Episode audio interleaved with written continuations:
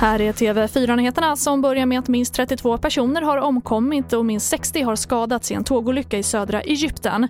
Det är två persontåg som krockat norr om staden Suhag och mer om det här kan du se på tv4.se. Och ytterligare 29 dödsfall med bekräftad covid-19 har rapporterats i Sverige sedan igår. Det meddelar Folkhälsomyndigheten. Och därmed har totalt 13 402 smittade avlidit i landet. Och Norge förlänger pausen av vaccineringen med AstraZenecas vaccin mot covid-19 i ytterligare tre veckor. Det berättade Folkhälsoinstitutet idag. Och bakgrunden är att myndigheterna anser att för mycket fortfarande är oklart i frågan om bland annat blodpropp som en misstänkt biverkning av vaccinet.